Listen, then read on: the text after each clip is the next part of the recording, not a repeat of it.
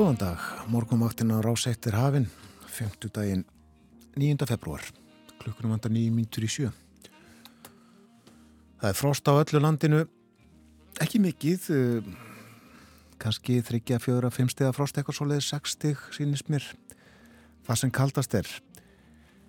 Og vindur tiltölulega hægur. Fjögra stiga frost í höfuborginni, klukkan 6 í morgun, norðvestan 6 metrar, kvassar og þó í kviðum. 60 frost á Kanneri suðvestan 6 metrar þar. 5 steg frost í Stikisholmi 6 metrar. Alls skíjað í hólminum. 6 steg frost á Patrísfyrði einnig í Bólungavík 4 og 5 metrar. Á þessum viðar að tvona stöðum 6 steg frost á Hólmavík 11 metrar fór í 20 í mestu kviðu.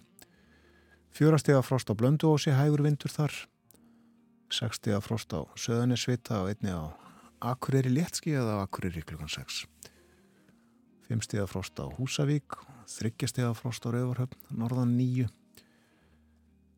6 stíða frost á Skeltingstöðum og 5 stíða frost á Eilstöðum léttskiða á Eilstöðum sunnan 10 metrar þar.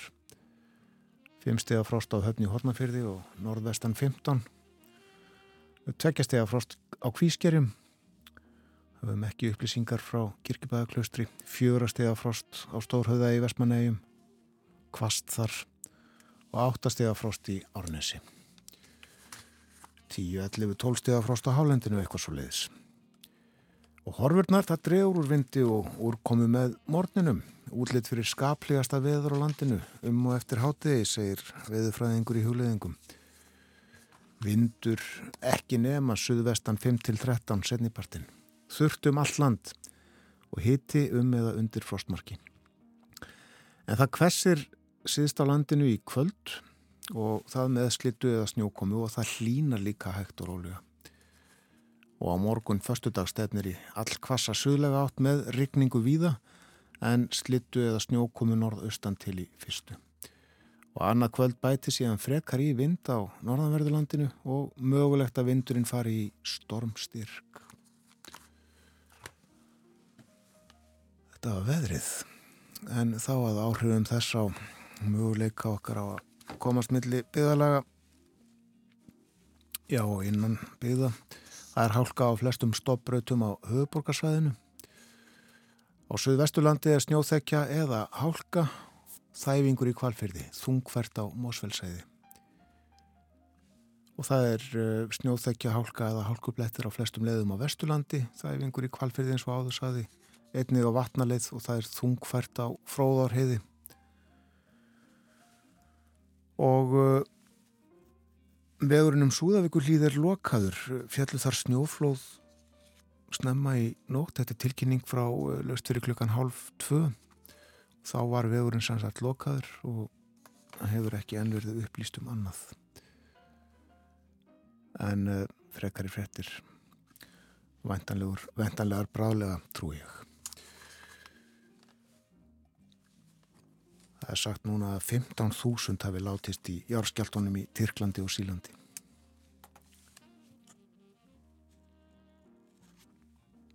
Og uh, þau mál til umfjöllunar á morgunvaktinni í dag. Bæði í heimsklukanum með bóða ágúsinni klukkan halv åtta og eins í viðtali við frangatastjóra Barnaheilla eftir morgunfréttinnar. Förum betur yfir það á eftir og annað sem er á dagskrá þáttarins en uh, við setjum lagafónin við drögum fram kvítalbúmið með bílunum frá 1968 og uh, hér er uh, Sexy Sadie.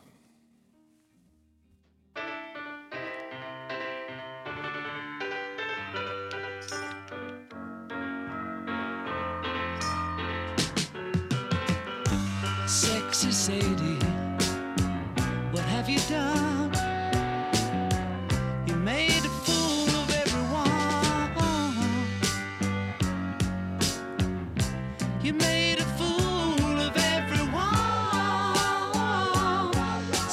Sadie. Oh, what have you done, sexy City? You broke the rules. You laid it down for all to see. You laid it down for all to see. Sexy Sadie. Oh, you broke the rules one sunny day. The world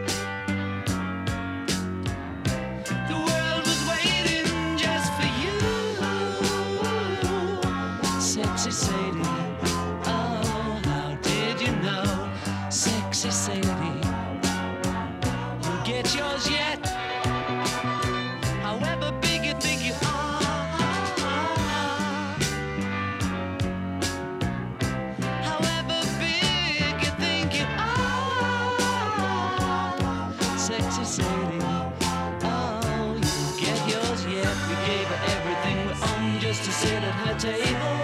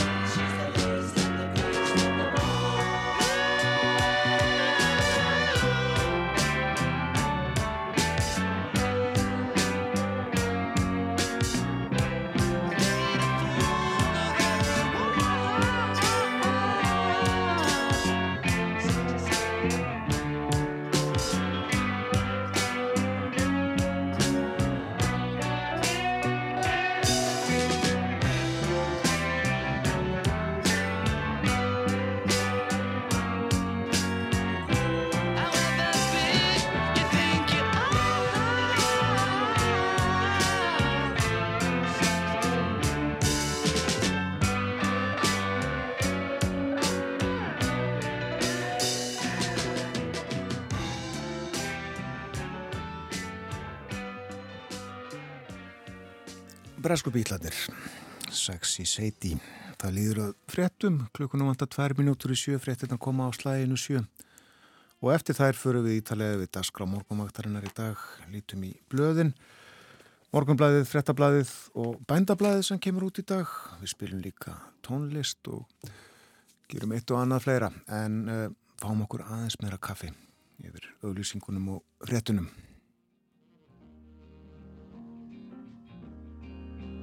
Thank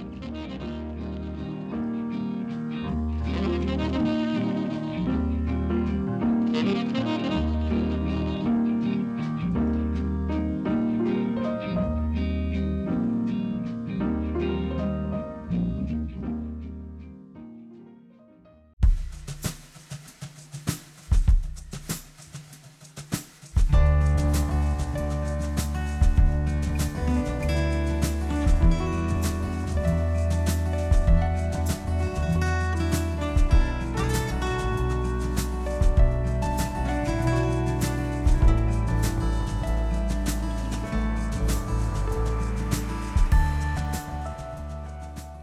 Morgumvaktin býðu góðan dag. Það er 50 dagur 9. februar. Klukkan þrjár mínútur gengin í átta. Umsjónamaður þáttanist þennan morgunin Björn Þór Sigbjörnsson. Við fjöllum í dag um ástandið á hamfarasvæðunum í Tyrklandi og Sýrlandi. Íslensk sveit á vegum landsbjergar er komin á staðin og verður við aðgerðastjórnum næstu daga. Og Íslensk hjálpasamtök taka á móti framlögum til neyðarstars. Barnaheill, segðu tildren, er þar á miðal. En talið er að meira en miljón börn hafi orðið eða kunni að hafa orðið fyrir áhrifum skjáltana. Ellen Kalmon, frangatastjóri barnaheilla, verður hér eftir morgunfrettir. Og Bói Ágússon verður á þessum slóðum líka í heimsklugganum upp úr halv átta. Sein viðbröð yfirvalda hafi verið gaggrind við förum yfir þá gaggrinni. Og Bói fjalla líka um frængur tvær, Marju og Elisabetu. Þær voru uppi fyrir um það byll og rúmlega 400 árum, stýrðu hvort sínu ríkinu, Skotlandi og Englandi en með þeim voru litlir kærleikar, meira en það á eftir. Og svo flettu við rúmlega 600 ára gammalli bók. Við flettum henni ekki, ekki svona í eiginlegum skilningi. Við viljum að tala um flategabók, eitt merkasta miðalda handrit okkar, en undanfarið hefur verið unnið að viðgerð á flategabók og það er aðeins máls samkvæmt vandasamt að gera við rúmlega 600 ára gammalt handrit. Svanhildur Óskarstóttir handritafræðingur verður hjá okkur klukkan hálf nýju og segir okkur frá því verki. Frostið á landinu núna í morgunsárið svona í kringum 5 gráðunar eitthvað soliðis, umstaðar aðeins meira, annar staðar minna og vindræðin í dag verður að 13 metrum. Það dregur sem sagt úr vindi þessari vestlægu átt. Það mun snjóa fyrir norðan fram eftir degi en annars verður bjart með köplum og hitast í það á landinu í dag 1 til 10 stig af frost. En svo breytist þetta í kvöld. Þá má búast við vaksandi söðaustanátt siðst fyrst með slittu eða snjókomu. Og það dregur úr frostinu. Og á morgun fyrstu dag þá verður sunnanátt, sunnan og suðvestanátt 10 til 18 metrar eitthvað svo leiðis og það mun regna víða en uh, sumstaðar á norður og austurlandi verður slitað eða snjókoma. Og það hlínar uh, hitin á morgun 1 til 6 steg eitthvað svo leiðis en svo vera hversa norðan til annað kvöld. Og uh, á lögadegin verður fjóra til nýju stega hiti á búast í talsverðri rigningu, rókju og rigningu á sunnanverðurlandinu hitin verður í kringum frostmark á sunnudag en á mándag hlínar og ég sé ekki betur en að þá sé búist við að vel 10-11 stega hita sumstöðar verður kvast líka og já talsverð regning á mándaginn. Þannig að það er alls konar veður framöndan.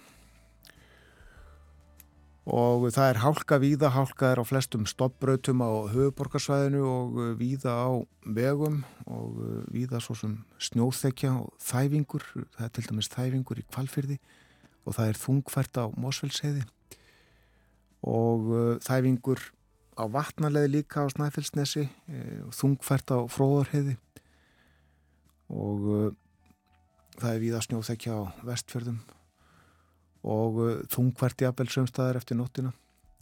Það er ófært um hálfdán, Dinjandisheiði og norður í Árnesrepp og vegurinn um Súðavíkur hlýði lokaður þar fjallu snjóflóð í nótt. Snjóþekja hálka hálkublettir á Norðurlandi, þæfingur á Siglufjörðavegi í almenningum og snjóþekja víða á Norðausturlandi nú eða hálka eða hálkublettir og þannig er það líka á bæði Östurlandi og Suðusturlandi snjóþekja og víðum á, vegum á Suðurlandi. Svona eru aðstæður á landinu í dag. Við tökum fram blöðin og uh, þá uh, fórsýðu morgunblæðsins er uh, sagt frá því að að Bjarg þetta íbúðafélag sem að er í eigu er það ekki verkefælisfélaga, fleiri kannski. Það er um það bila að fara að aðfenda 1000. íbúðina, maður gera það í sumar. Það gengi vel þarna, félagið hefur byggt íbúðir fyrir rúma 50 miljardar. Rætti Björn Traustason, frangatastjóra Bjarks í morgunbleðinu í dag. Og fórsýðu myndin var tekinni gæri í Uriðaholti þar sem að smiður vinnaði því að byggja hús bláleitt, sínist nú eftir eiga að setja klæningu utan á það, stillasar utan á. Veðurguðinni buðið upp á allar gerðir af snjóveðri í gerð, segir hér í myndateksta. Á tímabili var snjómugga en svo skærinningur. Já, það var alveg blind um tíma í Reykjavík í gerð. Og fyrirsögnin fíkur yfir hæðir og hálf kláruð hús. Og Var yfir fyrstu línutnar úr móður ást Jónasar, fíkur yfir hæðir og frost kaldan mel, í fjallinu dunar en komið er í jél. Spáði línandi veðri næstu helgi, segir hér. En eh, næstu línundar í móður ást, snjóskíin þjóta svo ótt og ótt, auganu hverfur um heldima nótt, vegur á klakanum kaldan. Og fleira hér að fórstíðu morgunbladsins uh, vitnaði grein eftir Ástísi Kristjánsdóttur bæjastjóra í Kópavogi sem er að fjalla um samgöngu sáttmálan og hún telur nöðsynlegt að endur meta hann. Og uh, segir að frankanda áallun sé nú þegar komin í 50 miljardar umfram áallun og verkið ekki hafið. Frettablaðið uh, mynd líka veður tengd á forsíðunni afskaplega falli mynd að kallmanni með batni fangi í snjómugunni og uh, fyrir aftanan ljós umferðaljós sem að loga. Og uh, svo er þér sagt frá því að uh, fósættisráþra hefur sendt fórsetta frankandastjórnar Evropasambandsins bref þar sem farðið fram á fríar losunaheimildir í flugi sem tegið sér lengra en 500 km frá Íslandi fyrirsögnin byðlar til Evropasambandsins um að Ísland fái afslátt af losun flugvila Kristján Sigurjónsson fjallaði um þetta í ferðarspjalli hjá okkur á morgunvaktinni fyrir einhvern dögum e- eða vikum öllu heldur. Og svo er það uh, vextinnir og uh, áhrif vaksta hækkana Sælabankans en vextinnir hafa hækkað 11 sinnum í röð og greiðslubyrði húsnæðislána aukist stórum. Og hér er tekið dæmi hérna í, fréttablaðinu dæmi um það hvernig afborganir hafa hækkað og hækkað og hækkað. Tekið dæmi af 25 miljóna jafngreðslu láni til 25 ára. En greiðslubyrði þess hefur farið úr ríflega 124.000 krónum í tæplega 199.000 krónur þetta eru sem sagt 75.000 krónur sem afborganarnar hafa hækkaðum fjallaðum þetta í fréttablaðinu í dag. Og svo er það bændablaðið, uh, sagt frá fórsíðu fréttinni þar uh, af innflutningi og ókrænsku kjúklingakjöti í fréttatímanum hér áðan. Það sem að uh, formaður kjúklingabænda hefur ímislegt við þessa frænkanta aðtúa og tölum meðal annars umhugsunarvert að láti sér í það skína að kjöti sér íslenskt. Það er nú tala varlega, finnst mér, meira en umhugsunarvert En uh, á uh, forsíðu eru þau gladbeitt Haldóra Andresdóttur og Gauti Haldósson, þau eru bændur í Engilíð í Vopnafyrði og þau taka þátt í verkefninu Loftslagsvætn landbúnaður.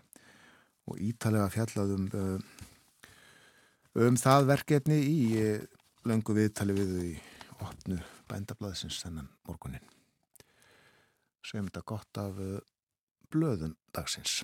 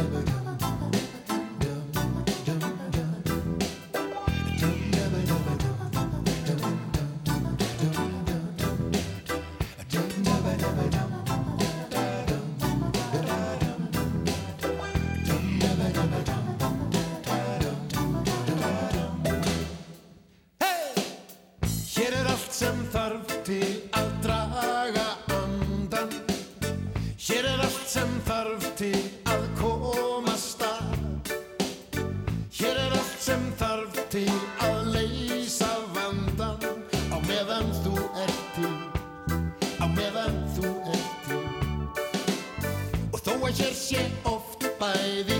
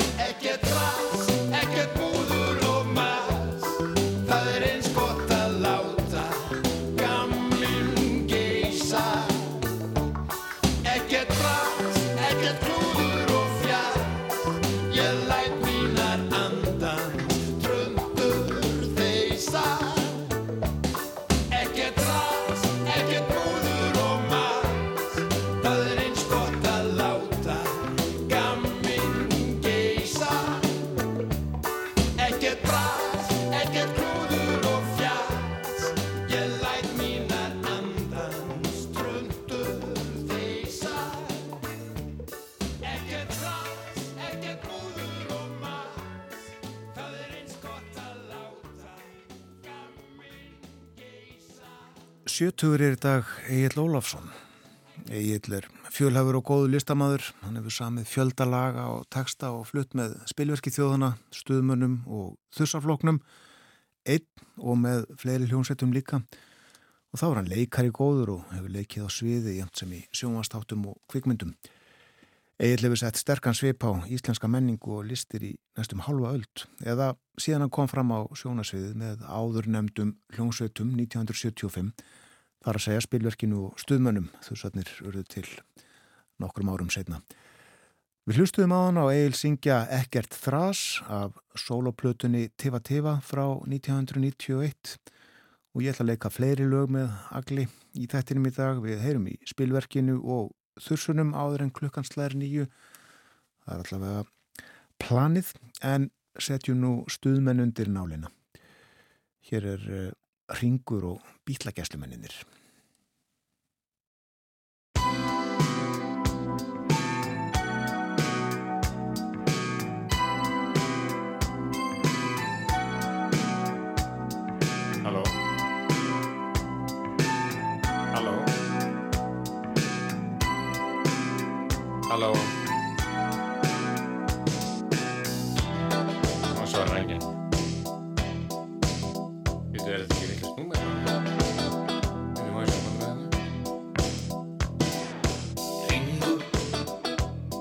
Sinn fingur leikur og syngur af lífi og sá Hann bolli tölverðum bolli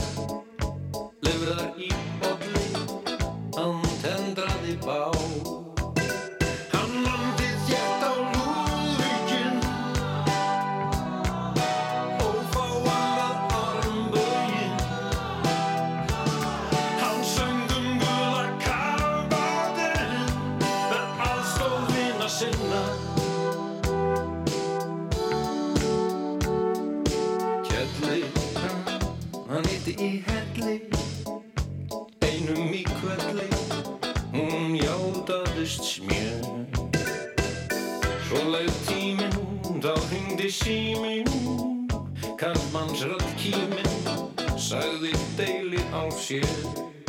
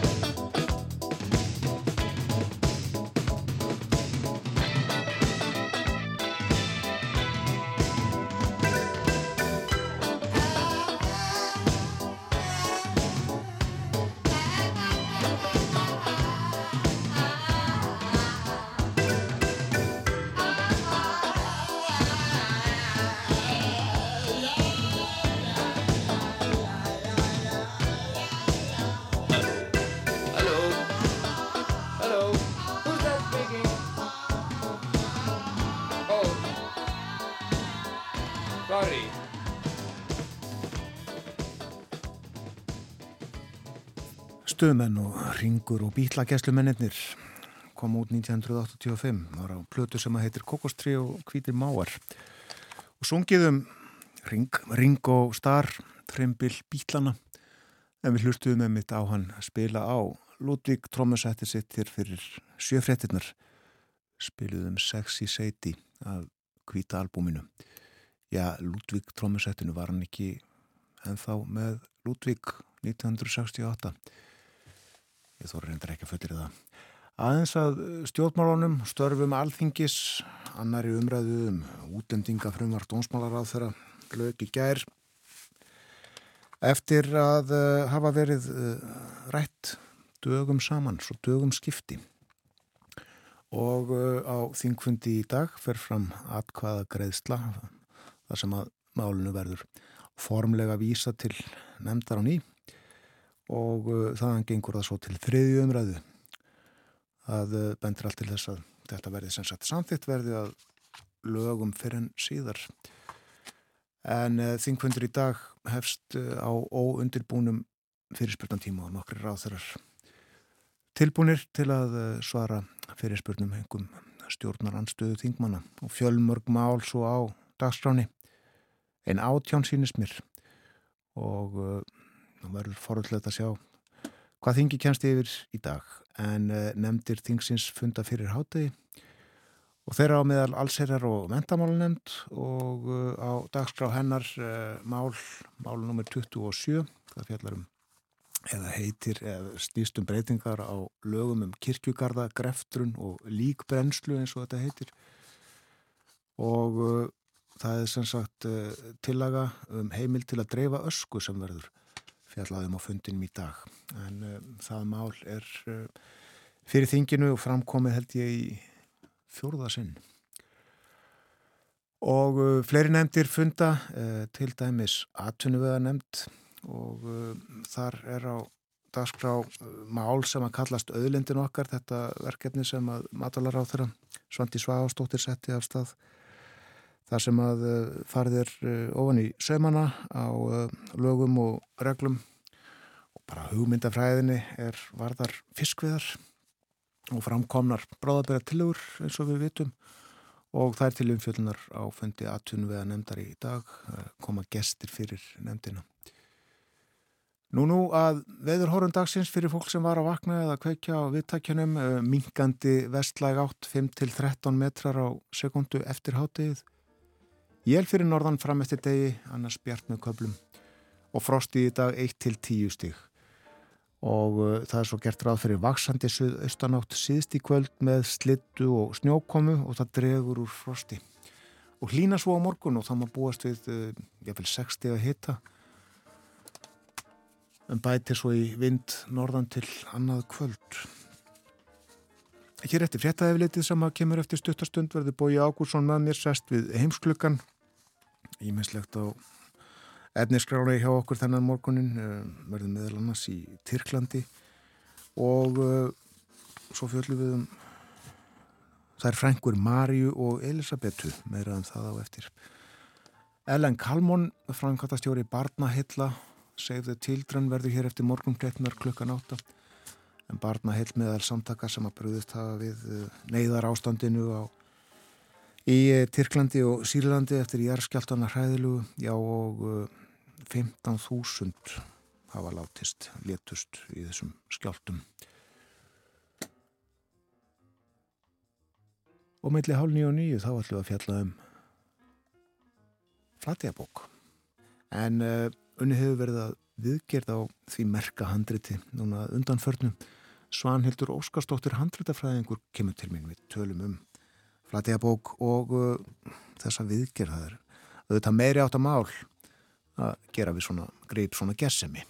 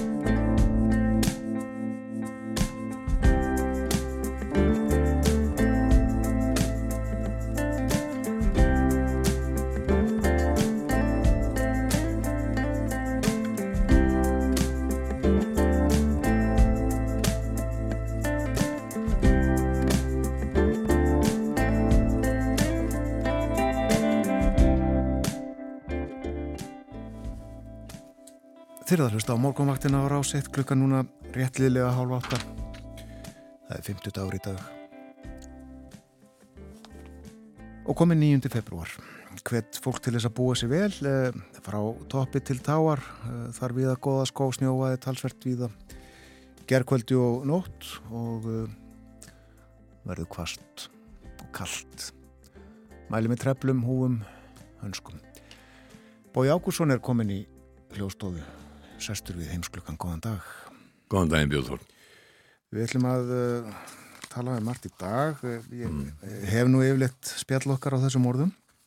Mm og eins og ég saði frá fyrir morgunna þá ætlum við meðal annars að tala um þær Frængur Marju og uh, Elisabetu Vissulega. Og uh, síðan fleira en við byrjum á jærskjáltasvæðunum þessu fræðilega ástandi eftir skjáltana fyrir fáanum sólarringum í Tyrklandi og Sílandi Já, það er alltaf hægt að byrja á öðru.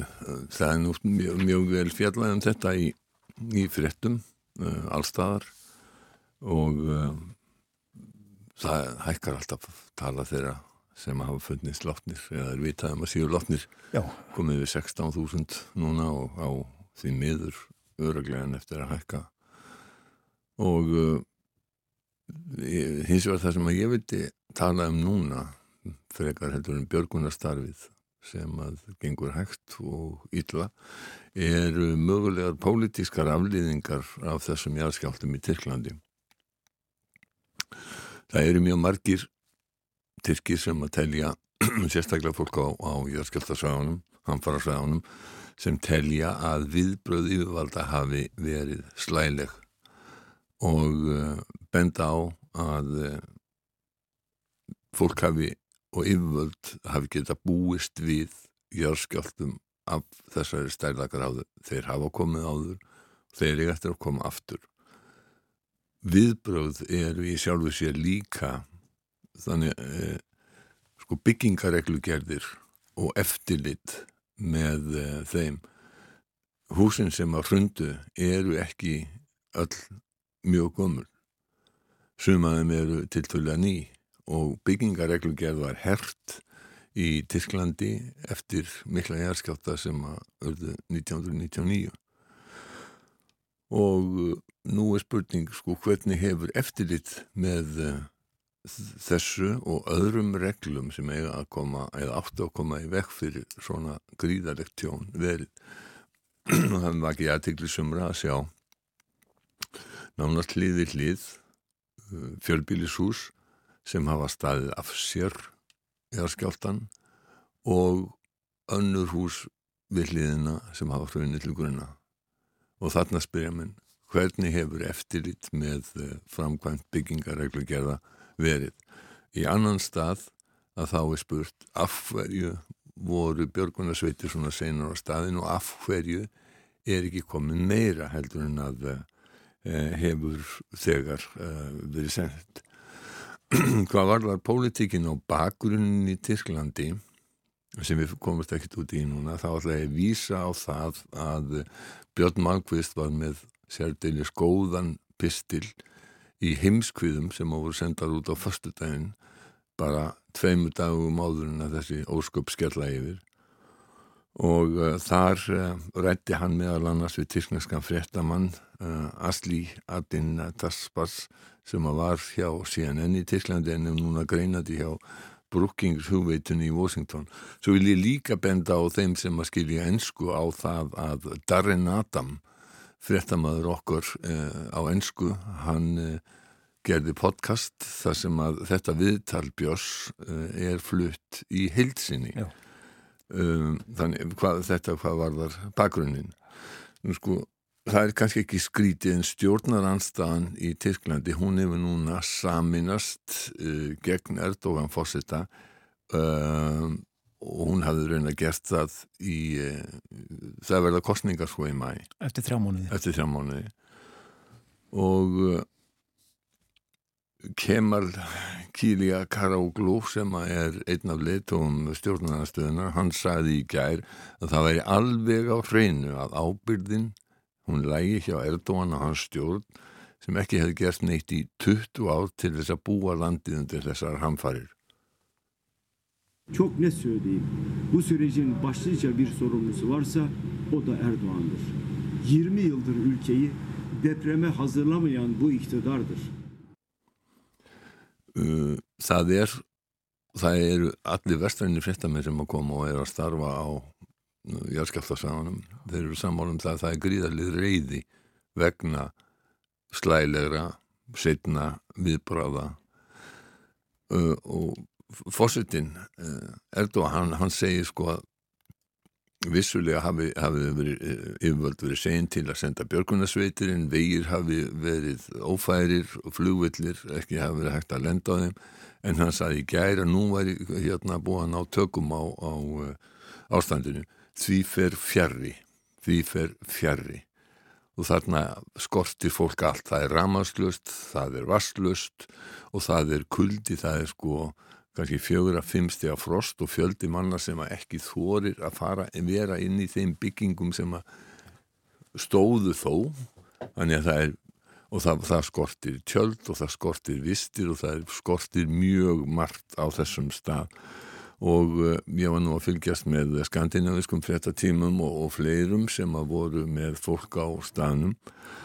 Og skum heyra aðeins í uh, Stinn Nörskov sem að er hjá Damas Radio. Hann fjallaði um þetta og hann segir að Erdogan sé talsvöld gaggrindur og það er bæði fólk á hamfarasvæðanum og stjórnarnarstöðun sem gaggrína það kom ekki á óvart að stjórnarnarstaðan sé gaggríni þegar með mánuðin fyrir kostningar en það sé alvarlegra fyrir Erdogan að það er fólk á jarðskjóltasvæðanum sem segir að hann hafi alls ekki staðið sér nægilega vel.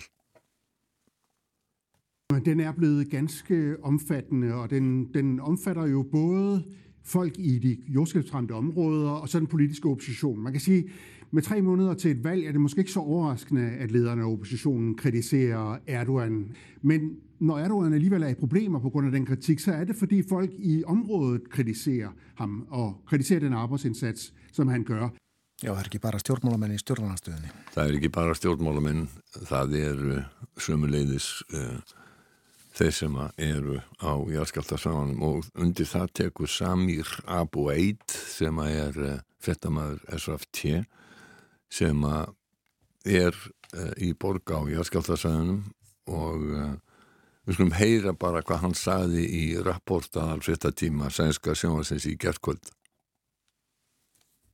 Nästan alla som jag pratar med här är väldigt kritiska mot Erdogan och mot regeringen och den turkiska staten och menar att de inte alls får den hjälp de skulle vilja. För eh, alla som jag pratar med faktiskt är, är väldigt kritiska och menar att hjälpen har varit väldigt senfärdig. Næstum allir sem ég hef talað við eru mjög krítiskir á Erdogan, tyrknesku stjórnina og ríkið og telja þau hafi alls ekki fengið nægilega hjálp. Allir sem ég hef talað við eru mjög gaggrínir og telja hjálpina að koma upp seint.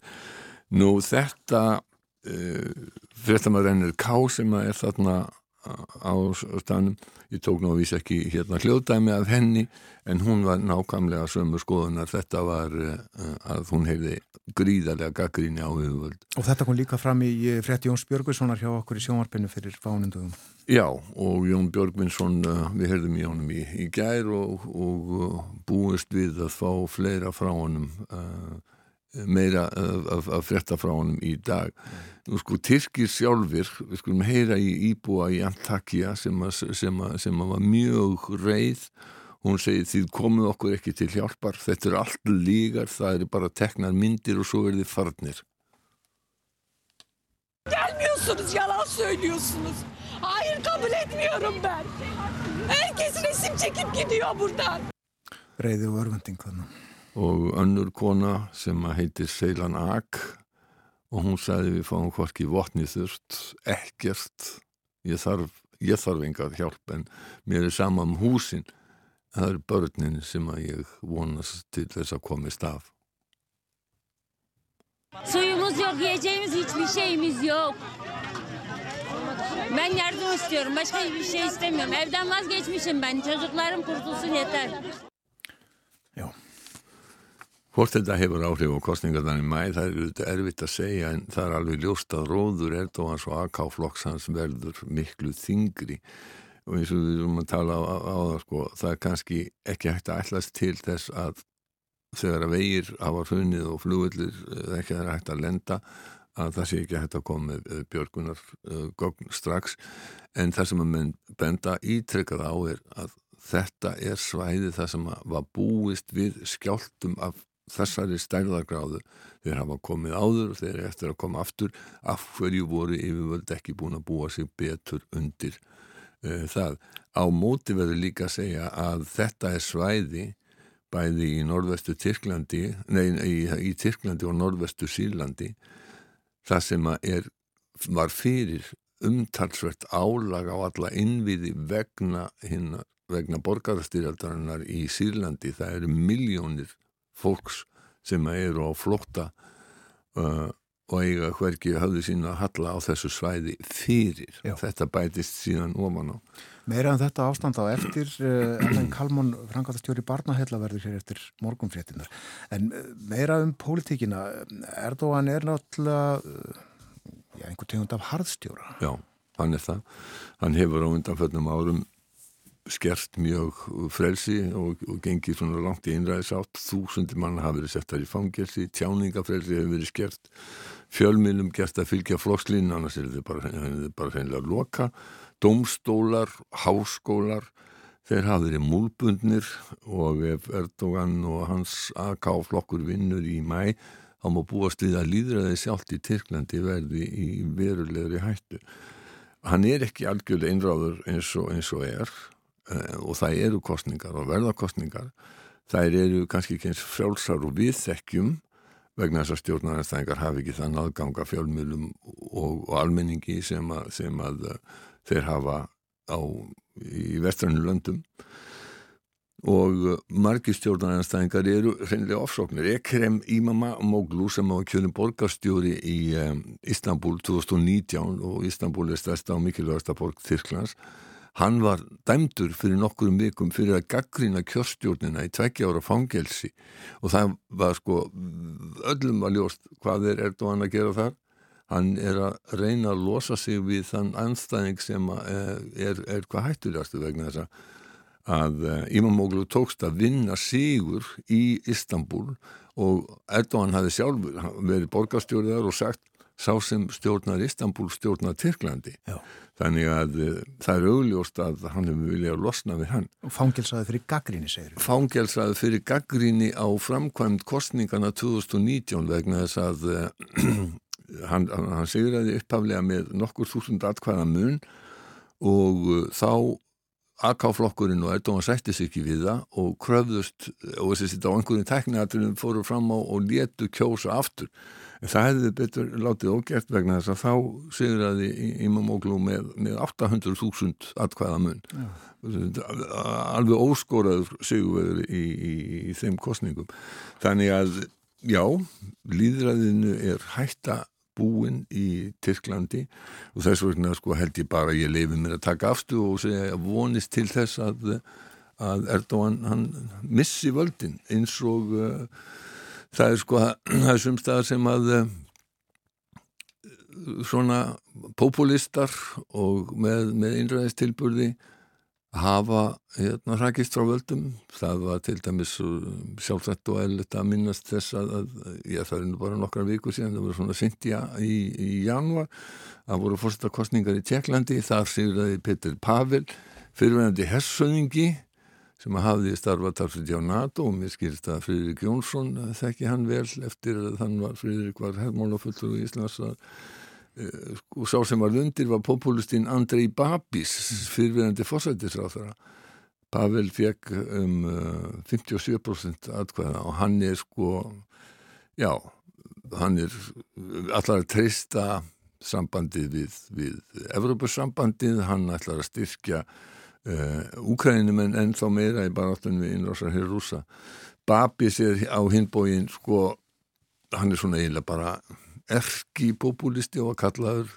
segir eiginlega allt, hann var kallaður Trump Tjekklands Já, auðmaður er það ekki? Jú, jú, hann var, hann var einn, einn allra auðvasti maður heims bara, hann er einhver staðar og hérna numur 400, neða 100, 100, 617 sé ég hér á lista Forbes var hann, var hann árið 1900, árið 2019 Svo skulum við dæmba okkur í sakvæðina Björn Þór Já Við náðum ekki að tala í síðustu viku um listsköpum neðandi talsmanna. Ég sá þetta í því góða vefriti The Conversation sem að byrtir oft áhugaverða nýðustuður akademískra rannsókna uh, sem eru setta fram á tungumólu sem þú og ég getum skilið. Mm. En neandertalsmenn þeir máluð á hellisveggi í nokkrum þúsundum ára áður en að mannkynni homo sapiens fór að stunda listsköpun. Sko skilningur fólks á neandertalsfólkinu hefur gjörbreyst á síðustu, já svona 30 árum með rannsóknum og menn hafa átt að segja á því að þeir voru ekki eins og áður var talið miklu frumstæðari manntegund heldur en homo sapiens og þeir viljast hafa búið í smáum hópum sem hafa voru mikið á ferðinni. Þau tóku með sér eld til þess að tendra þess að slóðu sér niður og notuðu áhöld. Og ummerki um hellamálverkni að til tels manna hafa fundist í hellum næri Malaga á Suðu Spáni og þau eru að minnst að kosti 65.000 ára við berum ennþá í okkur einhver smá gen frá neðandi talsmönnum þannig að við skulum ekki tala mjög ítla um þessa, þessa fórfyrir okkar Getur nefnt það að við ætluðum að fjallum þetta síðast en komist ekki í það og töldum í lægi að býða með það í viku það væri það já. langt liðið frá því að þeir voru á ferli Já Svo skulum við nefna aðeins í framhjólöpi stríð sem að spánverðir og Dani stóði í 172 ár. Þetta uppgöttaðist eh, var einhver áhugarsakfræðingur á Spáni sem uppgöttaði það að, að þegar að e, Napoleon riðist inn í Spán 808 að þá lístu, þá voru, voru spánverðir og Danir fjendur að því að Danir voru í líði með Napoleon og þá var lítill bær Huescar í Granada sem lísti við stríði við Danska ríkið Já. Og það kom nú aldrei neina átaka í þessu stríði og, og hérna engum varð meitt vað og það var ekki fyrir 1981 að, að þetta uppgöndast þessi stríðsifilísing og þá var amatórhistoriker amatórhistoriker Vicente González Barberán sem að hérna, uppgöndaði þetta og, og það menn umsögulust ákváðu að, að hérna, bjóða danska sendiherranum í Madrid eh, til bæjanis og þar var undir í það fríðarsamningu Skemmtilegt Já, skemmtilegt mm. og svo er það Marja Skotadrottning Mary Queen of Scots Já. sem var hálfsökvind þennan dag eh, þar að segja í gær árið 1587 fyrir 436 árum Það var nefnilega tilkynnt í gæra að það hefði tekist að ráða dullmál á 57 brefum sem hún skrifaði í tveggja áratu að fanga vestsinni þessu lýsa sakfræðingar sem miklum tíðundum en uh, hún var uh, þetta er hennar, hennar öðrulög eru nokkuð grimm getum við sagt. Hún hefur, orðið eins konar þjóð, þjóðsagna personu og hefur öldum saman orðið yrkisefni margra og það hafa staðið deilur um afleið hennar mótmænendur fordæmdu hana sem ílkvendi hún hefur verið morðingi og vilja steipa Elisabethu Englandsdrottning og kom aftur á kathólskri trú. Katholikar líta á hana sem nánast dýrling og fórnalamp heftuð úr að mótmælanda setni tíma sakvannegar hafa bent á kosti og lesti hennar, hún hafi verið samtrúað katholiki en samt umburðarlind gagvart mótmælandum, hún eiginlega lifði trú frelsi með það stutta tíma sem hún ríkti í Skotlandi. Hún hafi verið gjafmild, heiðarleg og heiðvitt en hún hafi verið afar lélugu stjórnmálamæður, hafi nánast alltaf tekið rángar politískar ákvæðanir og það er englandsdrottning voru frængur sagt. Þær voru náfrængur sko og uh, Marja var þessi önnur í röð, erðaröðinni að, að, að, að ennsku krúnunni og sonurinnar Jakob sem var Jakob sjötti skotakonungur, hann tók við af Elisabethu og varð englandskonungur og var Jakob fyrsti englandskonungur en Jakob sjötti skotakonungur. Já. Nú um þetta eins og ég sagði hefur við samið hérna talsett mikið af já, bókum og ljóðum og, og, og tónlist. Sandy Denny söngkona þeirra dásamlegu ennsku þjóðlagasveitas Fairport Convention samt í lagum Maríu. Það heitir Fotheringay en svo nefndist Kastalin eh, í það sem að hún var fangelsu síðustu árin og tekin af lífi. Denny syngur um daginn fyrir aftökuna og ljóðið endar á orðunum. Á morgun verður hún komin langt burtu frá einmannaleikanum í Fotheringay Kastalanum Örlög Sandi Denny voru sumulegis nöttuleg, hún lést úr heila blæðingu eftir að hafa fallið niður úr stig á steingólf aðeins 31 árs gamalt. Það má kannski segja að eh, minning bæði Maríu Stúart og Sandi Denny lífi í þessu undurfagra lægi Fothering Hay. Við hlustum á það eh, og eh, drögum þannig fyrir heimsklugan þennan morgunin. Takk fyrir í dag, Bói Ákusson. Takk sumulegis.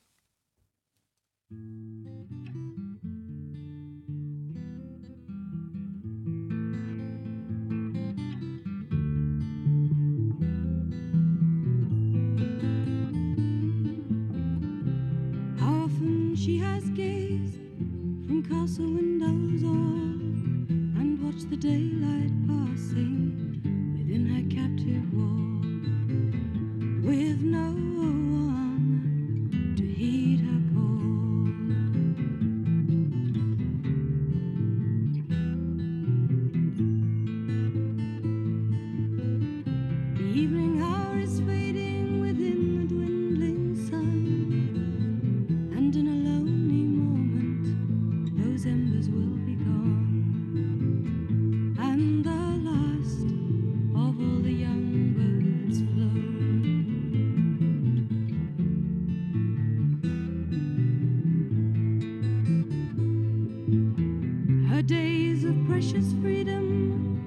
forfeited long before to live such fruitless years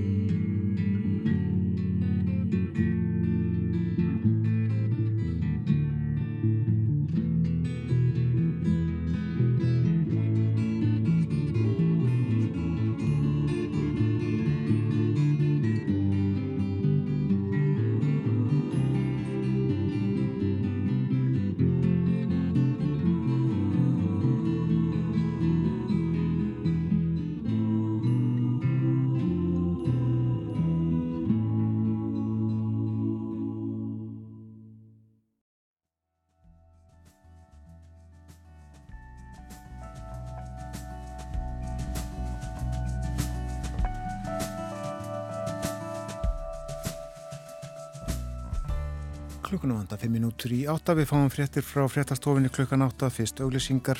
Eftir fréttir verður hér Ellen Kalmón frankantastjóri Barnahella við ætlum að tala um neyðarstarfið á hamfarasvæðunum í Tyrklandi og Sýrlandi.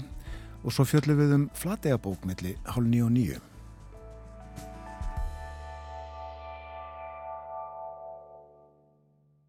En þeir eru að hlusta á morgunvaktina á rás 1 og klukkan er núna rétt hæppar 5 minútur gengin í nýju og eh, eins og ég hef bóðað hér fyrir morguna þá er hér nú fjallaðum jæraskjáltana í Tyrklandi og Sýrlandi ástandið á hamfarasvæðunum.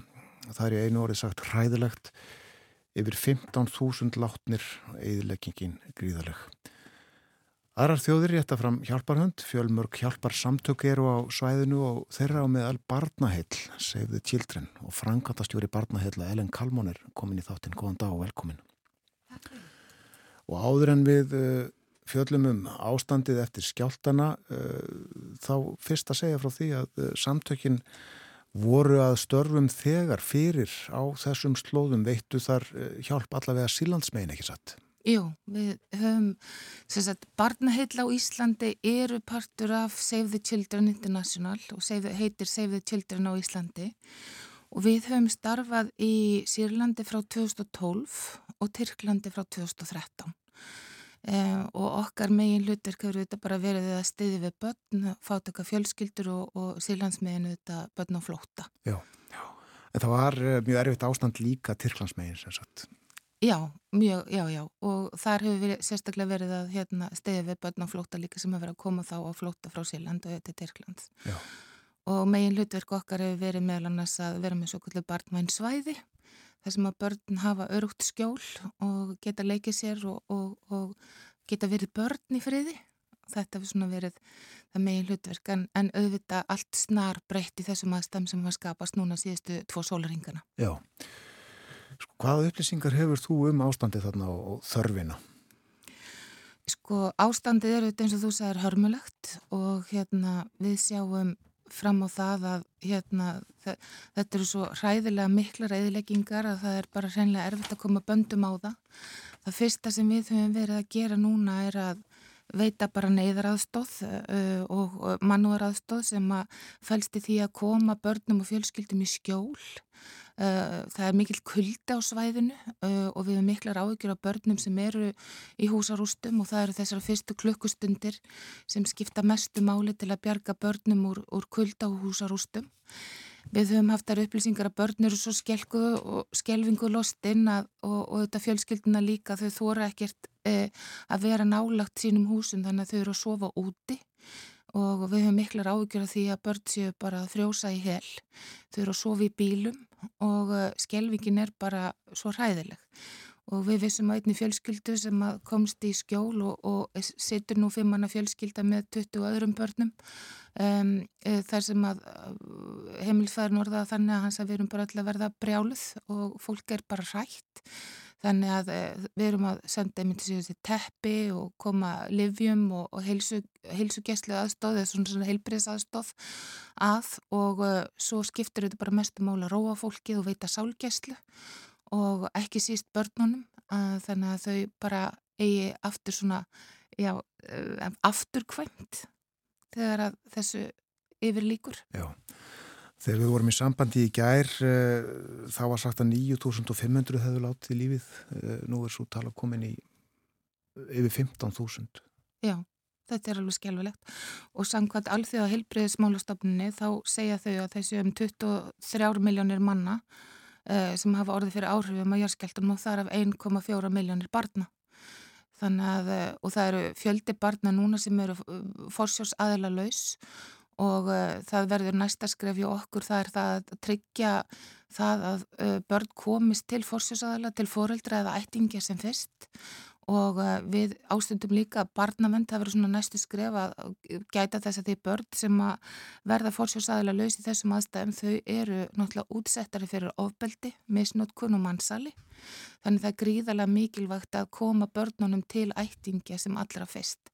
En núna er auðvitað bara þessi bráðaþjónusta að, fólki sé hlýtt og að það fá heilbriðstjónustu og mat og bara sál, sálræna stuðning Hefur einhverju upplýsingar um hvernig þetta starf hefur gengið núna síðustu, allra síðustu sólaringa?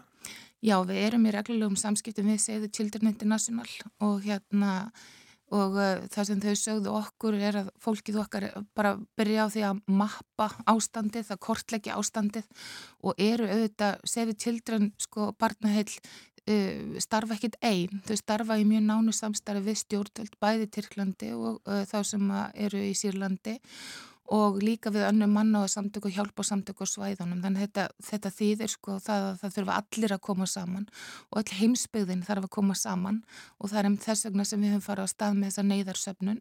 Við erum með neyðarsöfnun í gangi sem að e, fer í svo kallan viðbrasjóð barnaheila og þessi viðbrasjóður virkar þannig að það er hægt að rífa úr honum strax e, um leið og einhver neyðskapart fyrir börn heiminum og, við, og barnahillir núna að senda út sko, segðu Tildin International að senda núna úr þessu neðis 2 miljónir dólar á svæðið, það er komið. Um, og svona síðan erum við farin að huga strax að því sko hvað verður í framhaldinu. Við munum líki framhaldinu láta bara fjölskyldur fá peninga til að geta kæft mat og annað þannig að hérna það er verið svona bara ennþá verið að kortleggja ástandið og veita bara bráða þjónustu. Já, en mikil kunnátt á því að bregðast við. Mikil kunnátt á því að bregðast við og við erum sko eldstu og stærstu mannrættinda samtök barna í heiminum og e, höfum, höfum það, þá krafta að geta bara uh, stækkað gríðarlega á örskumum tíma þannig að þó að starfseminn sem starfseminn hafa kannski ekki verið mikil eða ekki mjög stór eða viðfangsmikil að þá náum við bara þennja hana út bara á bara samstundis.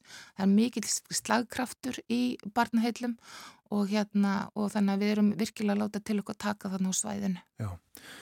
Eru landsmenn dölið við að uh, leggja fram peninga til svona safnana þegar svona gerist í heiminum? Það er svo dásamlegt með Íslendinga og, og fólki sem býr hér á landi að, að við finnum til okkar og, og viljum vera stór og við viljum hjálpa og það er mikil samstöðu kraftur í samfélaginu þegar þessu kemur og uh, við erum afar þakklátt fyrir það og ég hveit sem flesta til þess að leggja málefninu lið. Það er hægt að senda SMS barnahill í símanúmeri 1900 Það er að fara á Eurocass og skrifa barnaheill og svo eru við auðvitað með heimasíðana líka barnaheill.is og það er að styrkja okkur og ég hvet alla sem eru aflögu færir þá þetta sé 2000 eða 5000 krónur að leggja til að því hver einasta krónaskiptir máli og hver einasta klukkustund og jável mínúta þessa stundina skiptir máli. Eins og við komum inn á hér áðan, það var ástandið á þessu svæði mjög erfitt fyrir. Já og sérstaklega í Sýrlandi. Og við höfum mjög miklar ágjur af þeim fjölda sem að, uh, var nú þegar á vergangi í Sýrlandi og þetta uh, jáskjaldunir höfðu mikil áhrif á flótamannabúðir og, og hérna og það er bara ástandið þar það sem að innviðir voru þegar brotnir.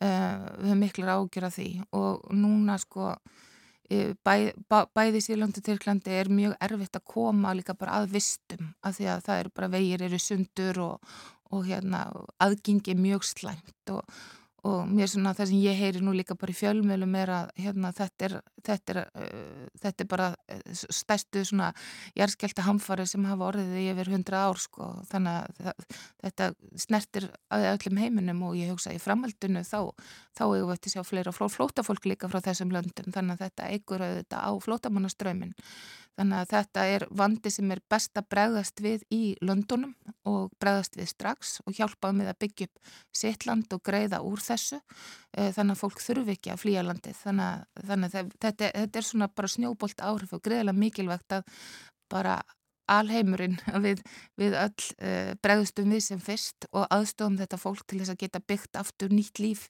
í sínum löndum. Við erum auðvitað fyrst og fremst að tala um þessi hamfæra svæði núna en uh, barnahill starfa um uh, nánast allan heimir það ekki?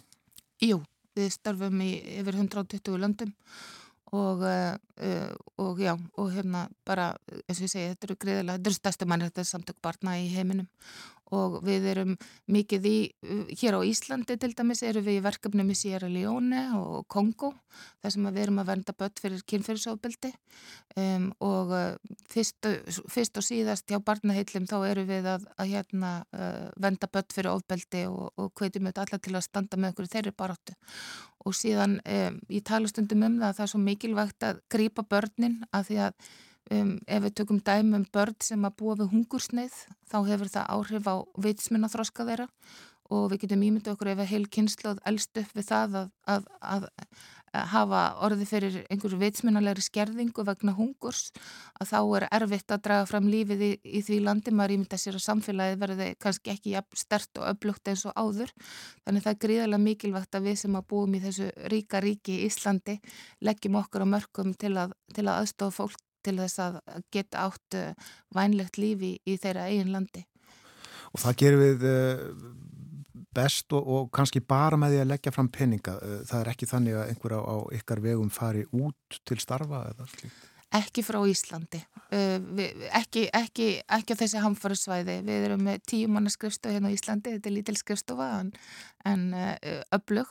En við erum hins vegar verðum með einhverja sendi fulltrúa hjá okkur í, í Afrikuríkjörnum sem við erum að starfa síðar á árinu og við erum með verkefni þar starfandar sem við förum með verkefni heimsóknir og þetta er samstarfsverkefni við utanrikiðsáðandi sem styrt okkur degila í þeim verkefnum uh, af því að það hefur verið áhersla hjá uh, utanrikiðsáðara að, að, að vinna betur á þróunaverkefnum og það eru þetta greiðilega mikilvægt þess að ég segi til þess líka að hérna svona draga úr þeim flótamanna ströymi sem, sem að við erum uppröðið í heiminum. Þannig að uh, við leggjum okkur á mörgum í því líka. Já, það eru margir sem koma að þegar svona atbyrðið verða uh, frjálsfélagsamtök, barnaheil uh, segðu tildrin Rauðkrossin auðvitað við þekkjum hann og, mm og svo stofnanir saminuðu þjóðana og, og sjálfsagt ótal fleiri.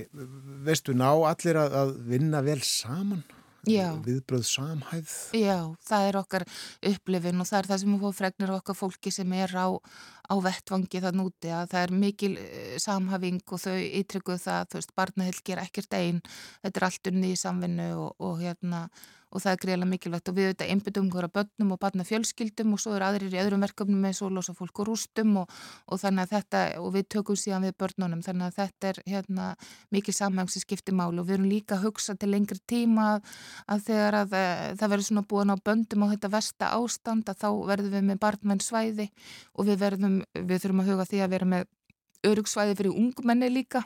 Uh, ég ætla ekki alveg að segja félagsmiðstöð en að það verður svona svæði sem ungmenni komið saman og eru örug þannig að hérna, við erum svona farin að hugsa næstu skref líka og þetta er allt svona viðbragspakki sem er lengur tilbúin og hérna og er bara tekinni skrefum og það þarf að endur með þetta náttúrulega sko ekki bara hverjum degi heldur hverju klukkustund hvað verður farið í næst. Segð okkur hans betur hvað fælst í þessu barnvæn svæði Já, nú var það til dæmis þannig að ég fór nú í heimsókn í Satari sem er stæstu flottamannabúðir í heimi í Jórdaníu í óttober og hérna þar heimsótt ég svo kvöldu barnmannsvæði, það er náttúrulega yfir 80.000 mann sem búa þar um, og það var svona svæði sem var afgirt uh, myndi okkur á leikskóla uh, þar sem að börn kom og eru yfir daginn og eru þó öryggursvæði í leik og fá svolítið svona að gleyma þeim erfiða heimi sem þau kannski búa í. Og þar fengu þau kennslu, það var mikið, þetta er þetta bara allt sjálfbúðaliðar eiginlega sem að starfa þarna. Þar fóðu kennslu og mat og, og hérna fó bara að njóta þess að vera börn í öryggu umhverfi Það eru svona okkar barnvannusvæði sem við rekum til dæmis í, í Jórdaníu. Og það var mjög áhugavert að koma í Satahari um, og sjá þar að sko öll starfsemeil innan búðana eru unnuna sjálfbúðalega samtökum af frálsum félagasamtökum. Uh, þar sem að jórndansk yfirvöld uh, útvega er uh, löggjæsla og öryggisgjæsla. Þannig að hérna, það er gríðalega mikilvægt að, steyðja við þessi frálsum félagasamtök til þess að tryggja öryggi og réttin til batna því það eru jú grunnurinn og eins og ég komin á áðana það er svo gríðalega mikilvægt að þau hafi frelsi og tækifæri til þess að þroskast og, og leika og vera börn til þess að þau verði sterkir einstaklingar í samfélagi framtíðar ennars. Já. Segð okkur aftur alveg hvernig fólk getur rétt eitthvað lið. Já, fólk getur farið á barnahill.is um, og eða sendt SMS-ið barnahill í símanúmeri 1900 og svo erum við og kass og þar er barnahill líka og svo hvetjum fólk líka til að gerast heillavinnir barnahilla til að styðja samtökin í öllum þeim verkefnum sem fyrir þeim leikja bæði hér á landu og erlendis. Þakkaði kellaði fyrir komin að hinga á morgunvaktana í dag. Takk. Ellen Kalmún, frangatastjóri barnaheilla.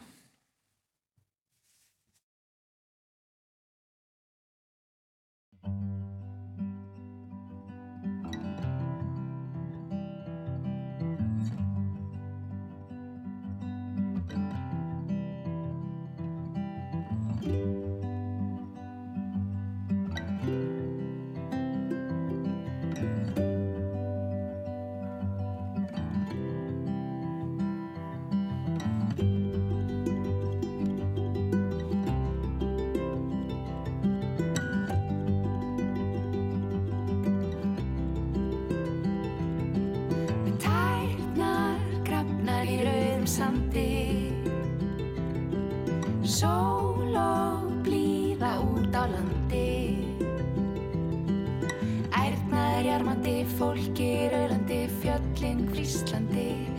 lækurinn svalandi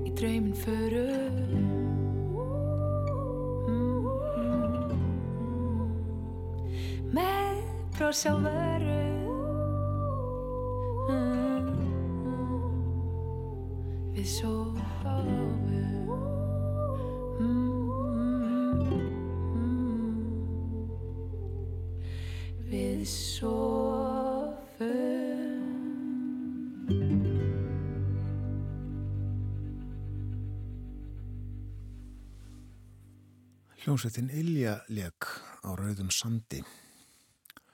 Við höfum yfir veðurhorfur dagsins minkandi vestlagátt, 5-13 metrar eftir hátegi. Jél fyrir norðan fram eftir degi og annars bjart með köplum og frostið á landinu í dag 1-10 stig. Og vaksandi söðaustanátt síðst í kvöld með slittu eða snjókomu og það dregur úr frosti. Og á morgun verður sunnan og suðvestanátt 10 til 18 metrar, víða regning, en slitta eða snjókoma fram eftir morgni á norður og austurlandi. Og það mun hlína á morgun, hittin verður að 6 stegum, verður hlýjast síðdeis, en svo bætir í vind norðan til annað kvöld. Og uh, við spáum fyrir helgina er svona á lögadag þá gengur í sunnanátt og uh, þá verður bísna kvast, uh, jafnvel 25 metrar á sekundu og ekki bara kvast heldur líka rigning, talsverður rigning sunnanlands, úrkomi lítið norðaustanlands og hittin á lögadag 4-9 stig. En uh, síðdeis á lögadag snýst í suðvestan storm með uh, jæljum og uh, það mun líka kólna. Og sunnudag verður fremur hæg suðlega átt og jél en þurft um austanvertlandið og hitti á sundaginn í kringum frostmarkið En um kvöldið þá fer að hversa vaksandi suðaustanátt með slittu eða regningu sunnan til og það hlínar og það hlínar talsvert. Ég held ég hefði séð uh, 10, 11, jáfnvel 12 stiga hita í spákortunu fyrir mánudagi næsta. Þannig að við fáum alls konar veður hér næstu daga. En uh, lítum á skeitin frá vegagerðinni. Það er hálka á flestum stopprutum á höfuborgarsvæðinu. Snjóaði talsvert í gerkvöldi og nótt var líklega erfitt að fara um göngustíga og gangstíða það snemma í morgun. Góðuskotnir mikilvægir þennan morgunin og uh, það er snjóþekja eða hálka á flestum leiðum á Suðvestulandi og það er svona stefið í þessu fyrir uh, allt landið. Snjóþekja, hálka, hálkublettir, þæfingur, sömstaðar, þungfært. Við uh, búumst við að fá lit hér uh, klukkan hálf. Uh, það var ólaga á fretta útsendingunni klukkan átta en verður vonandi í lagi hjá okkur á, á eftir.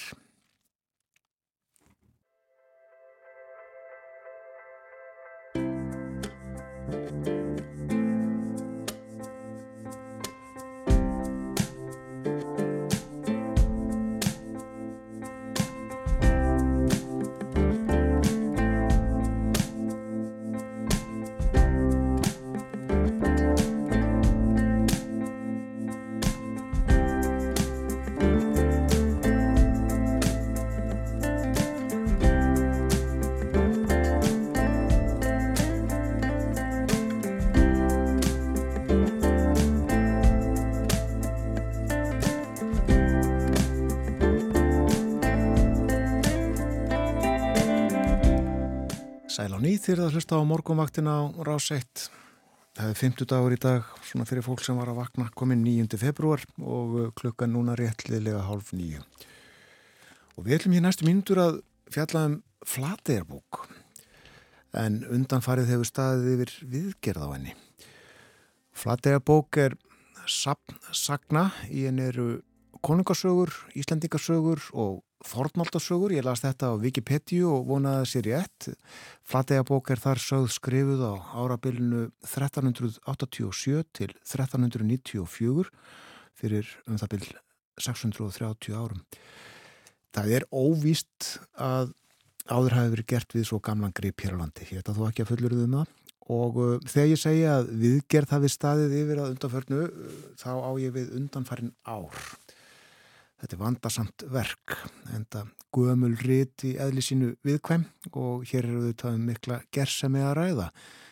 Og til okkar í þáttin er komin Svanhildur Óskarsdóttir handritafræðingur, velkomin.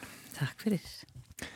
Var þetta rétt hjá Wikipedia? Er þetta sap sem sagt konungu, konungarsagna, íslendingarsagna og fornaldarsagna? Já, þetta er kannski aðeins, vægið er aðeins uh, misjamt þar að segja að þetta er svona, um langmestu leiti er þetta saga Núres konunga en Flateyjabók er bæði mjög stórt handrit að, og hún rúmar mjög mikið og svo er eiginlega sögusviðið þar sem er svo dásanlegt við Flateyjabók að sögusviðið er eiginlega bara Noregs veldið um norður Allandsaf eins og að leggur sig þannig að í rauninni förum við austu til Úslands, við förum til Færiða, Íslands, Grænlands, Vínlands, þetta er bara skalin er stór, Já. svona hinn landfræðilegi skali í bókinni.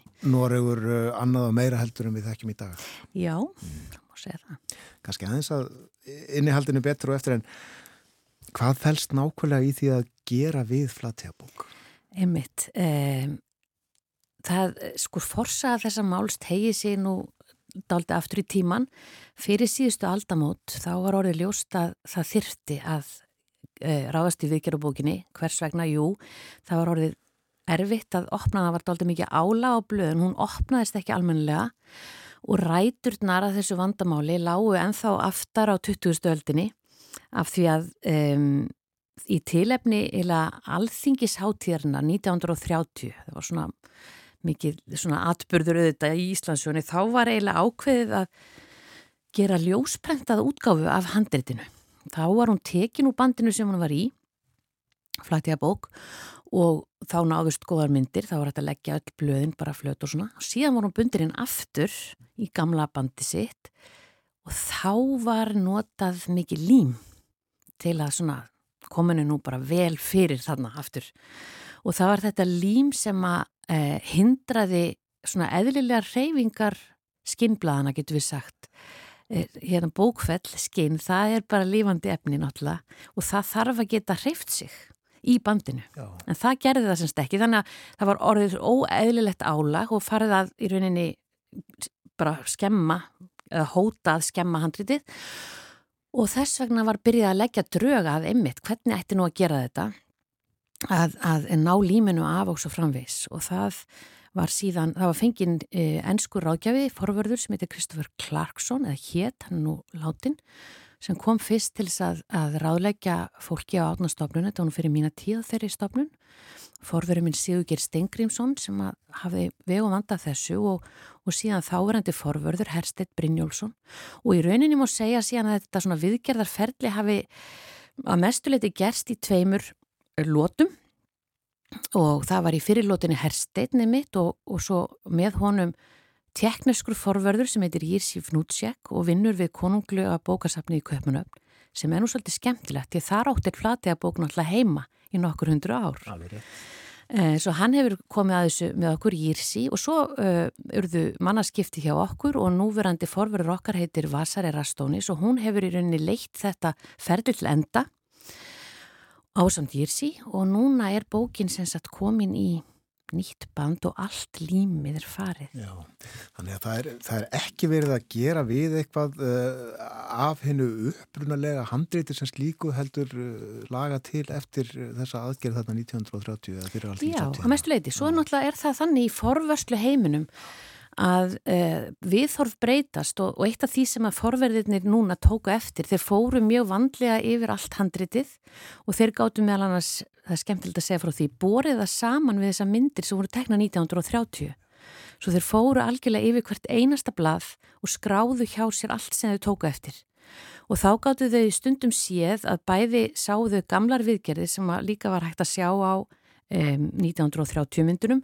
Svo sáðu líka viðgerði sem höfðu verið gerðar eftir það, líklega áður en að handriti var sendt heim til Íslands. Það var náttúrulega annað af þessum tveimur handritum sem komu 1971, samanber Veskúflaðubóin og, uh, og, og í ákveðnum tilfellum þá ákvaðu þau að fjarlæga fyrri viðgerðir.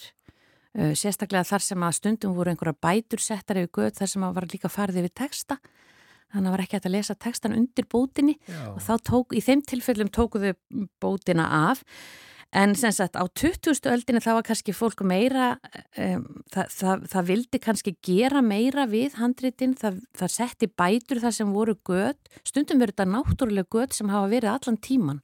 Bara sem eru göð sem koma þegar verið að strekja kálskinnið og, og undibúa bókfellið sem sagt og áður fyrir kannski var lög meiri áherslu að, að bæta svona gött og þá var það gert þannig að það væri svolítið ósýnilegt. Það var annarkvort notað bókfell skinn eða þá litaðu pappir sem var litaður í sama lit og skinnið. Allt svona til þess að svona, láta þetta líta út mjög slett og fælt. Núna er tískan pínliti önnur og við þorfin nú bara vilja forverðir eh, gera sem minnst í rauninni og maður á bara að geta séð í rauninni sögu handritsins ánsett þess að sé verið að fela eitthvað. En þetta er auðvitað alltaf svolítið svona jafnvægislist og uh, forverðirnir okkar hafa held ég unni mjög gott starfi þessu. Þau hafa virt í rauninni söguna því leita þau ekki tekið alla bætuna burt að þær eru búin að vera og eru sem sagt bara núna. Handritið er svona eins og það hefur lifað í gegnum um, aldinnar og en, en, en er aðalega er það núna örugt. Það er, núna getum við opnaða á þess að vera hrættum að við séum að skemma það og uh, við getum sínt það Já, já. til dæmis þegar við verum flutti í nýju byggingun okkar Okkur, það verður gaman. það verður frábært, þá getur þið öll komið að sjá Loksins. En skinnið sem slíkt, það eldist vel. Já, þetta er ótrúlega náttúrulega gott efni og það sem er líka magnaði með flest íslensk handrit þar á meðal flatjabók blekið endist líka ofsalega vel Þannig að þessir stafir sem að skrifararnir, við vitum hvað er hétu, það er mjög óvennilegt fyrir þessi mjög handrit. Við vitum að voru tveir prestar sem skrifuðu flatjabók og þeir hétu Jón Þórðarsson og Magnús Þórhalsson og Magnús gerði líka myndirnar. E, svo við höfum nöfn, það er óvennilegt, en sem sagt, stafirnir sem þeir skrifuðu, allt þetta sem þeir dróðu á þetta bókvel, það er læsilegt. Bleki er algjörlega bara ennþá svart og gott það er náttúrulega ótrúlegt. Já, Eða magnað allavega. Já, það er magnað. Það, það, það var bara góð uppskrift. Því miður við hefum enga uppskrift. Við vitum ekki hvað er nótuð í bleikið. Engar uppskriftir frá miðöldum hafa varðvist. En það var einhver góð formúla sem þeir hafðu. Greinilegt. Hvers vegna er Flateyjabók þetta sagna sapn kent einmitt við Flateyja og Breðafík? Það er vegna þess að það var, um, bókin var í eigu vestfyrringa lengi og afkomendur Þorleifs Björnssonar Hirstjór og Reykjólum þau, þau sem byggu í Flatey uh, voru með bókina og það er þegar Brynjólu Sveinsson biskup færana, það er í Flatey. Jón Finnsson, bóndi í Flatey, hann afhendir honum hana. Það er sagt að það hefur bara verið þegar biskup var að fara um borði í bátinn. Hann var búin að falast eftir handritinu og nei, mm, en svo kemur bóndi að lokum og lætur hann hafa já, já. ritið og þannig þar með fór það söður í Skálholt Já. og svo uh, nokkrum árum síðar til Kaupanafnar. Þeir vita hvar uh, bókin var skrifuð? Það er talið að hún hefur verið, sko, það er vita nefnilega því að Magnús Þóraldsson, annar skrifar hana, hann skrifar svona svona ingang eða, já, á, uh, í upphafi og þess að hann segir að Jón Hákonarsson hafi látið gera bókina og Jón Hákonarsson var stórbóndi í Víðdalstungu og það er talið að sagt, bókin hafi verið skrifið þar í héræðinu, kannski á þingarum sem er ekki langt frá og þar sem var klaustur og bókagerð svo það er, já, þessi, þetta svæði. Mm. Og var uh, snemma farið að tala um Flateyjabók, kennana við Flatey? Veistu það? Uh, þetta er mjög góð spurning. Uh, minnstakosti þegar hún er bundin, það lítur eiginlega að hafa verið samt, það hefur fyllt henni þegar hún fer til köpmanafnar, því hún er bundin nefnilega aftur inn þegar hún komin í konunglega bókarsafnið á átjándöld og, og þá er bara sett á kjölinn upp á latinu Codex Flateiensis svo þá er uh, alveg öruglega nafnið komið. Þannig að mér finnst líklegt já, hún hafi bara þegar að biskup var sem sagt búin að fá hana þannig í flatið þá hafa hann bara fengið þetta nafn. Ég viðkenni fúslega að uh, ég held uh, þangal ég vissi sannleikan að, að ég henni væri sagt frá atbyrðu sem gerðust í flati. Já. Ég er kannski ekki einn um það. Nei, þetta er náttúrulega svolítið vandamál oft með handrit að þau fá alls ekki alltaf nafn af innihaldi sínu eða eða uppbrunna stað heldur oft, oft af stöðum þar sem þau hafa verið eða af útlitinu sínu, ég menna eitt handrit heitir Morkinskinna því að talið hefur ekki verið talið svona glæsilegt útliti, annað sem er tínt heit Gullskinna og svo framvís þannig að það er svona alls konar ástæðu fyrir nafngiftum eh, bóka en þetta er dvalarstaðurinn sem þarna ræður sko með flatiða bók. Já. Svo skrifaði náttúrulega Viktor Arnar Ingólfsson aðra bók sem heitir Flategar gáta og hún gerist sannlega í Flatei og snýst líka um Flatega bók. Mæli með henni, mjög skemmtileg saga. Alveg rétt og það voru gerðið sjónastættir. Já, og já, þú hefur blada talsvert í Flatega bók. Já, ég er nú ekki konungarsanarfæðingur þannig ég hef nú svo sem ekki synt mikið rannsóknum á þessum textum en ég hef verið svona tengilegur í sambandi við þessa viðgerð um, og uh, undan, undan, undanfærin ár. Svo ég hef, jú, jú, ég hef bladið í henni, það er eh, magnað, þetta er alveg einstakt handrit vegna stærðar sinnar og líka hvað það er glæsilegt.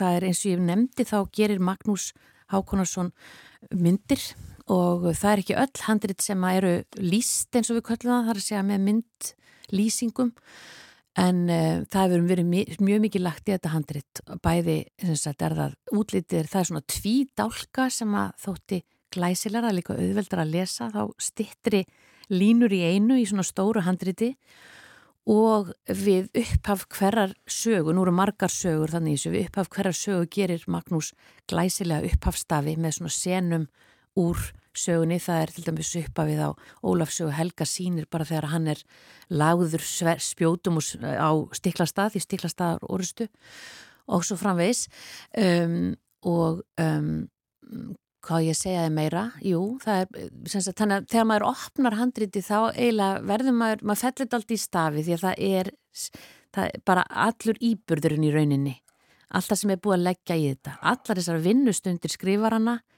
að ég tala nú ekki um uh, sem sagt litarefni til að gera myndirnar sem ábyggilega var sumt innflutt og svo framvegs. Þetta er einmitt eitt af því sem að Daði Már Kristófusson Hagfræðingur ætlar að reyna að, að fara í á málþinginu svo koma þess að því sem við ætlum að halda á morgun. Akkurat. Hann ætlar að reyna svona að gera sér grein fyrir og okkur hva, hvers konar fjárfesting þetta eiginlega var að búa til svona bókilók 14. aldar. Hvað þurfti til? Hvað þurfti maður, er þetta ávið margar skútur í dag eða, eða Porsche? Og marga kannski, marga porsi. Mm, Mögulega. Mögulega. Daði mun leiruð okkur í allan sannleikum þetta. Já, akkurat. Aðeins meira þessu málþingi á eftir og, og uh, að þeim sem að að tala þar uh, en uh, já, er það ekki þannig að, að maður bara eiginlega fyrir slotningu að því að horfa á þessu bók hvað þá á flettinni? Jú, maður gerir það og það er bæði þetta hvað hún er stóra og mikil. Svo náttúrulega fer maður alltaf að hugsa um tíman og hugsa einmitt eins og þú nefndir hérna upphafi. Það eru yfir 600 ár síðan þessi bók var gerð og hún er búin að eiga þetta aldrei merkilegan feril. Hún hefur farið milli Íslands og Danmörkur og hún hefur farið til Noregs uh, þar sem Þormóður Torfarsson sagnarítari var með hann í lánið því að hann þurfti að nota hanna við sín störf og alltaf hefur hún lifað allt af um, en maður hugsa líka um það voru svo mörg handrit sem týndust eðalust fór í sjóin þannig að maður, líka svo, maður er svo auðmjúkur og þakkláttur fyrir að til dæmis eigum við þessa ótrúlegu bók Já. Er hún uh, enn og, og mun verða endalus uppspretta rannsóknar? Já, því að það eru svo hérna, það er svo margir og margvíslegi textar í henni uh, auðvitað, hún, þeir hafa náttúrulega verið gefnir út svo hefur fólk í setni tíð kannski meira haft áhuga á því hvernig svo þessi textar spila saman sem heilt uh, það eru líka, ekki, það er ekki bara sögur, það eru líka kvæði, þannig upphafi þá er, er geistli kvæði eftir Einar Skúlarsson tengist Ólafi Helga. Um, það eru hindluljóð, það eru annálar og það er svona ímislegt efni sem er flétta saman í bókinni og uh, fólk getur bæða eftir áhuga á að rannsaka einstaka texta en það hefur líka áhuga á því að, áhuga á því að skoða hvers vegna þessir textar eru einmitt saman og svo framvegis. Um, hvers vegna er færaenga saga með þeim henn er flettað inn í konungarsögurnar og ímislegt svona. Svo eru þetta uh, áhuga á því að rannsaka sjálft handlit, handritið og bókagerðina. Það er líka mikil uppsveifla í slíkum rannsóknum bara í, í heiminum uh, ef til vill var fólk um, meira eingöngu upptekið af tekstunum hérna áður fyrr. E, núna er mikið verið að rannsaka e, bæði sniðbóka eða útlitt leiðjátið, e, allar þær svona ástæður sem að stýra því hvernig bækuna líta út. Við höfum líka áhuga á einmitt blekinu, okkur langar að vita meira um blekið, að því við höfum ekki uppskrift, getum við kannski með nýjustu uh, raunvísindalegu aðferðum komist meira að því hvaða efni eru í þessu bleki og litarefnin í lýsingunum og allt þetta. Já. og þetta, við erum svolítið á þessum slóðum einmitt á málþinginu, við ætlum ekki svo mikið að tala um textana á morgun, við ætlum að tala um handritið sem þennan efnislega grip. Já, Já hvernig gerðu menn þetta í lásinu tíma? Einmitt Já. Já, þú myndist á uh, Daðamá uh, sem hann ætlar að velta fyrir sér uh, má ekki segja bara kostnaðinum, framleyslu kostnaðinum á sínum tíma en við erum ofslega peningadrifin sko, er einhver vegur að meta flattiða bók til fjár í dag? Ég, ég myndi segja nei um, þetta er bara einn af þessum hlut, þetta er einstakur gripur ef hann skemmist eða eðilegst, þá fáum við aldrei annars líka og það er þar sem gerir það bara mjög erfitt að meta svona hluti til fjár. Það er, það er því óbætanlegt tjón. Já, já. Við skulum ekkert velta því meira fyrir okkur. Nei, við pössum hana vel. Já, Við passum hana vel. Og þið verðið í veröldhúsi Vigdísra á morgun frá klukkan eitt og, og þú ætlar að opna þetta málþing og svo eru þarna fjölmarkir fræðimenn á alls konar sviðum. Já, og fræðimenn og, og verkmenn því að verkmenn. það eru þarna báðir sagt, það eru tveir forverðir sem Vasari, Rastónis okkar forverður og svo Jirsi sem ég nefndi á hann sem starfar í Kaupanöfn. Um, Vasari ætlar í rauninni að lýsa þessu viðgerðarferli, ná svolítið utanum það Jirsi ætlar að aftur á móti að tala sérstaklega um bókfellið, um skinnið í uh, Flateabók, hann er, hann er sérfræðingur í einmitt skinni, bókfelli og hvernig bókfell verður til úr skinni. Um, síðan það tengist viðgerðinni, þá ætlar að koma trésmiður af vestan sem heitir Ketill Guðfundsson og hann ætlar að segja frá sínum þætti í þessari endurreist Flateabókar því að hann bara ábyrð á því að að uh, eiginlega snikka til tréspjöldin sem að nú eru komin utanum hana. Svo ætlar að uh, tala uh, doktorsnemi sem heitir Lea Pokonni og hún ætlar að, að tala um litina og litarefni og lýsingarnar í handritinu. Og svo fáum við fræðimann frá Danmörku sem heitir Johnny Lindholm og er rítstjóri við uh, fornmálsorðabókinni Kaupanahöfn og hann ætlar að segja okkur daldi frá eila sögu handritsins í Danmörku, finnst í konungsbókluðu.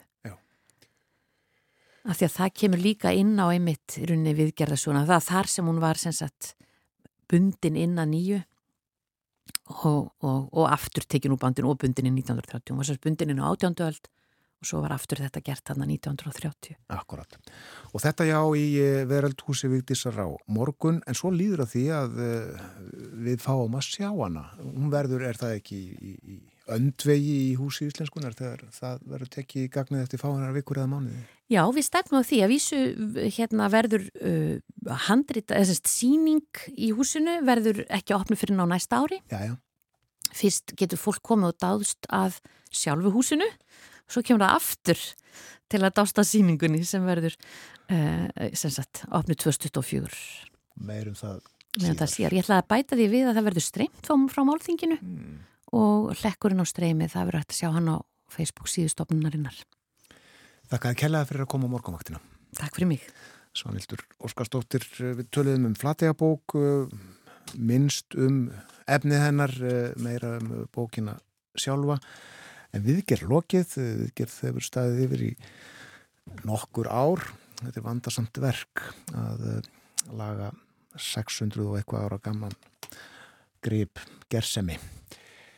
Við eh, höfum í morgun eh, leikið lög, hlustuð á Egil Ólásson syngja, Egil á afmæli í dag og hlustum á hann í þriðja eða fjórðasinn þennan morgunin. Hæ hó!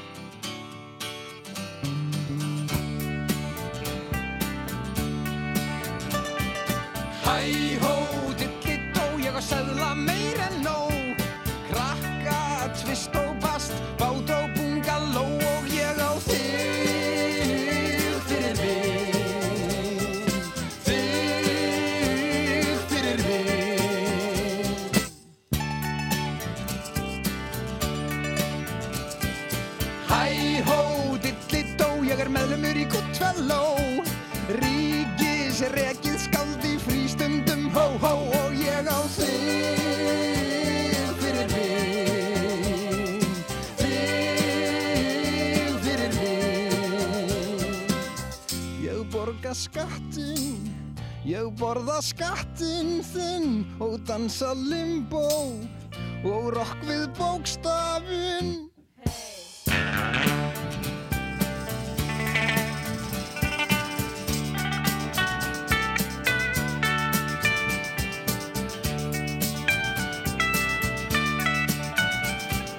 Hæ hó, dittidó, ég er Kristur í stereo, ég á heiminn en enga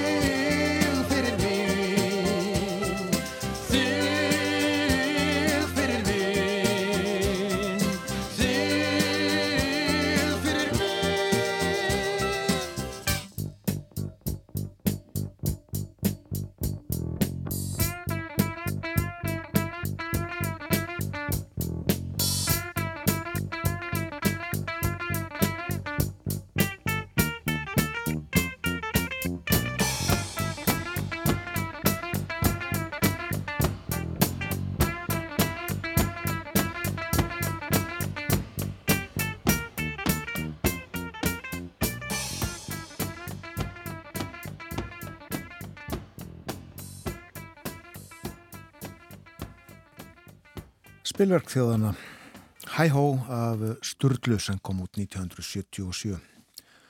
Svanhildur Óskarsdóttir, handreitafræðingur, haldi nút í daginn. Hún var síðasti gestur þáttarins þennan morgunin við töluðum um flategabók.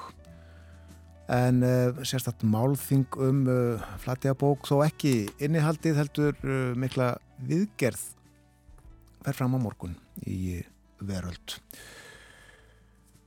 Áður en Svanhildur var hér rætti ég við Ellen Kalman, frangatastjóra Barnaheilla um uh, starf Barnaheilla á hamfarasvæðunum í Tyrklandi og Sýrlandi.